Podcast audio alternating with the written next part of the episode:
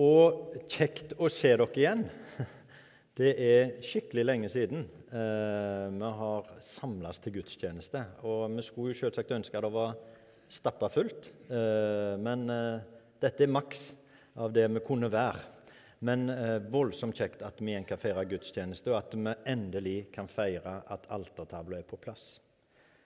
Eh, og eh, onde tunger, vil jeg si da, har sagt at eh, vi trenger jo kanskje ikke en prest som preiker lenger, den taler så mye, den altertavla. Vel Men se nå på den, for all del. Eh, det er pinse. Og pinse er feiringen av at Gud fortsatt er her. Vi kjenner jo Gud som den treenige Gud. altså Vi kjenner jo Gud som Faderen, Skaperen, som er i himmelen, og som skapte alt, og som er den store allmektige. Og så kjenner vi Jesus som hans sønn, som ble født som menneske, som kom helt nær til oss, som levde som et menneske, som vi kunne bli kjent med, som, som åpenbart og avslørte hvem Gud virkelig er, og som gjorde sin gjerning med å dø og oppstå og for opp til himmelen. Og så kjenner vi Gud som Hans ånd. Gud er hos oss nå ved sin ånd. Han er ikke en historisk liksom, virkelighet som, som de liksom, skulle være spesielt interessert i historien, og derfor er vi opptatt av det som skjedde for veldig lenge siden. Vi er opptatt av det som skjer nå, og det at Gud er hos oss nå. Og det er det vi feirer i pinsen. Den hellige ånd, det er Guds ånd. Det er Gud som er hos oss nå. Og vi kristne vi sier det at Gud hos oss, Guds ånd, den virker. Den en, det er en kraft som virker i oss, og som forvandler oss. Og Da kunne jeg jo stille meg sjøl et kritisk spørsmål. Eh, for er det nå sånn at det er en virkelig kraft, altså en kraft som påviselig har en effekt? Eller er det en form for placeboeffekt vi snakker om? For eh, det kunne det jo være. Og kanskje noe av det vi hevder Den hellige ånd, faktisk er en form for placebo. Altså Placebo er jo sånne medisiner sant vel, som vi får som vi tror har et virkestoff i seg. Og fordi vi spiser det med tro på at det virker, så virker det. Det er jo en påviselig effekt. Og kanskje det er sånn òg med Den hellige ånd, vil noen kunne si. Fordi du så gjerne vil se Guds hånd, så ser du det. Og kanskje noen av de tingene jeg vil liksom si ja, det var Gud som gjorde det, eller Gud som gjorde det. Kanskje, hvis en på en måte kunne på en eller annen måte bevise dette den ene eller andre veien, at noen vil si nei, det var placebo, det var du som ville det så sterkt. Men jeg vil påstå at Gud er mer enn det. Guds ånd gjør noe som er eh, helt åpenbart og tydelig for oss alle. At det er en reell effekt. Gud handler i dag. Og For å se det så tror jeg vi må utvide til flere enn bare meg. Vi må utvide til et folk. Og vi må utvide til mer enn akkurat et øyeblikk. Vi må utvide til en lang historie. Og vårt folk og vår historie er påviselig påvirka og endra fordi Gud har handla med oss. Fordi Gud har påvirket oss og endre oss sånne eh, ting som vi elsker å trekke fram. Jeg elsker det iallfall, og får tårer i øynene hver gang liksom, jeg hører noen nevne det. Som liksom preger vårt folk, at vi reiste roser etter 22. juli. Det er en sånn effekt. Det at eh, kongen snakker om eh, kjærligheten til hverandre og fellesskapet mellom oss, og at statsministeren snakker om tilliten vi har i samfunnet vårt, og og måten vi liksom opptrer på i forhold til korona og alt dette. Det er jo verdier som ligger i oss som folk, og som vi kan se, alle kan se det. Det har jo en helt klar effekt. Og det kan spores. Det er helt i overensstemmelse med det som Jesus åpenbarte som Guds gode vilje.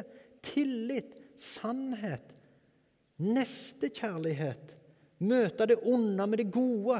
Det er jo sånne verdier som Jesus lærte oss. Det er helt påviselig. Og hva er det Jesus sier at Den hellige ånd gjør med oss? For i den teksten vi leste, så hadde jo, så Det var jo egentlig før himmelfarten, sant? for Jesus var jo der. Og så møtte han disiplene, og så sa han, 'Fred være med dere'. Og jeg tenker kanskje han sto sånn. 'Fred være med dere'. Og så står det at han viste dem sårene etter han hadde blitt korsfesta. Det er jo veldig flott markert her med de fem sårmerkene, de fem røde feltene. Han viste det til dem. Det er jeg. Det var jeg som ble korsfesta. Nå lever jeg. Her er jeg, og jeg sier dere fred være med dere. Han sier det to ganger. Og andre gangen så sier han som Far har sendt meg, sender jeg dere. Fred være med dere. Han poengterer det. Jeg kommer med fred til dere. Og han sier, 'Jeg er sendt, og dere er sendt.' Og det er akkurat på samme måten vi er sendt, og det er akkurat det samme vi er sendt med. Vi er sendt med fred. De færreste av oss har opplevd krigen. Men kanskje de fleste av oss har opplevd en krig og to, en konflikt og to, i mellommenneskelige relasjoner. Og det er noe som skaper konflikt. Det er noen ord og jeg lovte for de som var med på dramastykket vårt, å si at det er ingen som har bor i Sverige hvis noen var redde for det. Det var, eh, det var løgn og skuespill. Men det er ord som skaper konflikt, og så er det ord som skaper fred. Hva skaper fred? Ydmykhet snakker Jesus om. Det skaper fred. Det er når vi sier sånne ting som du har kanskje rett. Kanskje ikke jeg alltid har rett, selv om vi gjerne liker å tro det og iallfall liker å si det. Kanskje du har rett. Det er et uttrykk for ydmykhet som skaper fred i en relasjon. Erkjennelse snakker Jesus om. Det var min feil. Det var ikke din, sånn som jeg påsto. Det var ikke noen andre sin. Det var ikke sånn at jeg måtte bare gjøre det fordi jeg gjør alltid sånt når noen behandler meg på den måten. Det var min feil. Det er erkjennelse. Jesus bruker bildet med bjelke og, og flis. Han sier du ser flisen i din brors øye, men bjelken som står i ditt eget, det ser du ikke. For å minne oss på at det er ikke sånn at den ene gjør alltid galt, den andre gjør alltid rett. Noen ganger er det meg, og kanskje oftest er det meg så lærer Jesus oss tilgivelse.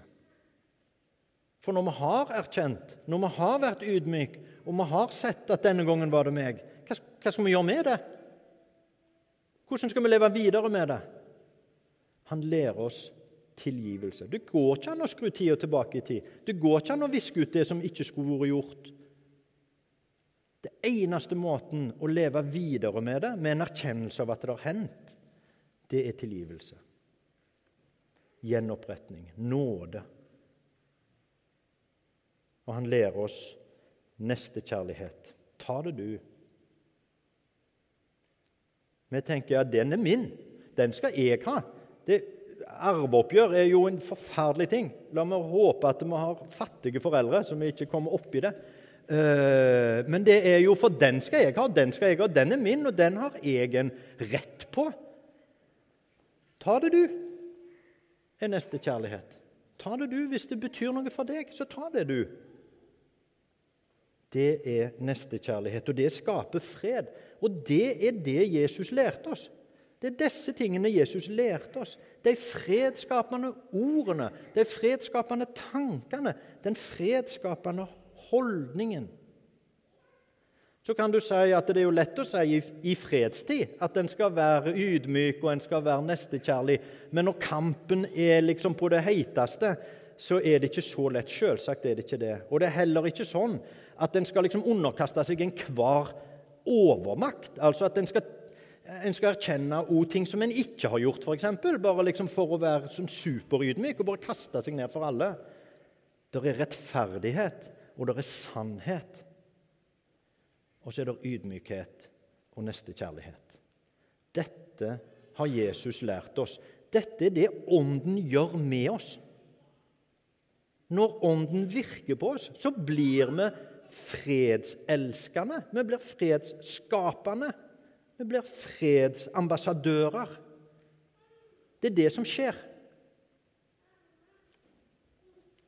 Og så kan vi si hvordan skjer det, da? Det, hvor får vi den ånden fra? Ja, nå fikk jo Det har vi jo sagt og gjort så tydelig som vi bare kunne, med vann og ord. Iris ble døpt i Faderens, Sønns og Den hellige ånds navn. I dag, sant vel, Herren velsigne Den hellige ånd. Du er tatt inn i Hans menighet. Du har fått Den hellige ånd. Du er blitt gjort til Guds barn. Og Gud forlater deg aldri. Gud bor i oss. Alle døpte, truende Gud bor i oss. Og Så er det snakk om hva får Gud gjør i oss. Og Det er det som en kan kalle at en skal liksom bli fulgt av Den hellige ånd. Eller, for det er en gave, Den hellige ånd. Gud er gitt til oss. Helt uforskyldt så det er gitt til oss. Han er gitt inn i oss. Og så vil han noe med oss. Og så er kallet om vi lar han få slippe til å gjøre sin gjerning i oss. La han få være Gud i oss. La han få skape fred i oss. La han få påvirke oss og handle med oss, sånn at vi blir fredselskende og Jesus-like mennesker. Så vi blir det folket som han har skapt oss til å være. Som skaper fred mellom nasjoner og mellom mennesker. Fred med Gud. Krig og konflikt er noe av det verste vi har. Det er noe av det aller verste vi har mellom nasjoner og mellom mennesker. Konflikt og krig. Det er fred vi trenger. Det er Gud vi trenger.